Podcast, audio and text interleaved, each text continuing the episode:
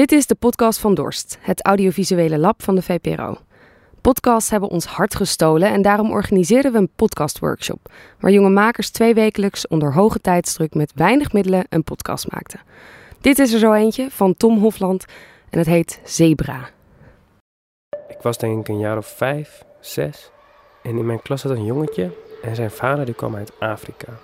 En die had voor hem twee kleine houten beeldjes meegenomen. Een zebra en een tijger. In de pauze mocht ik ermee spelen. Ik speelde met de zebra en hij speelde met de tijger. En wij zaten in de zandbak te spelen daarmee. En toen zei ik, hij is kwijt. Wij allebei graven, graven, of we die zebra nog konden vinden. Maar natuurlijk vonden we die zebra niet, want die zat in mijn zak. Ik had hem in mijn zak gestoken. Thuis heb ik hem in een kistje gedaan en onder mijn bed gelegd. Vergeten eigenlijk.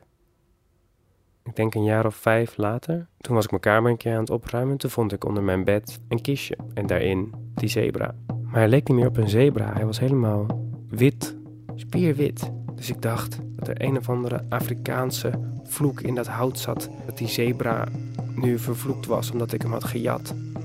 Ik heb hem in een prullenbak in de keuken verstopt. Toen uh, was de vloek opgeheven. Ik heb daarna nooit meer iets gejat.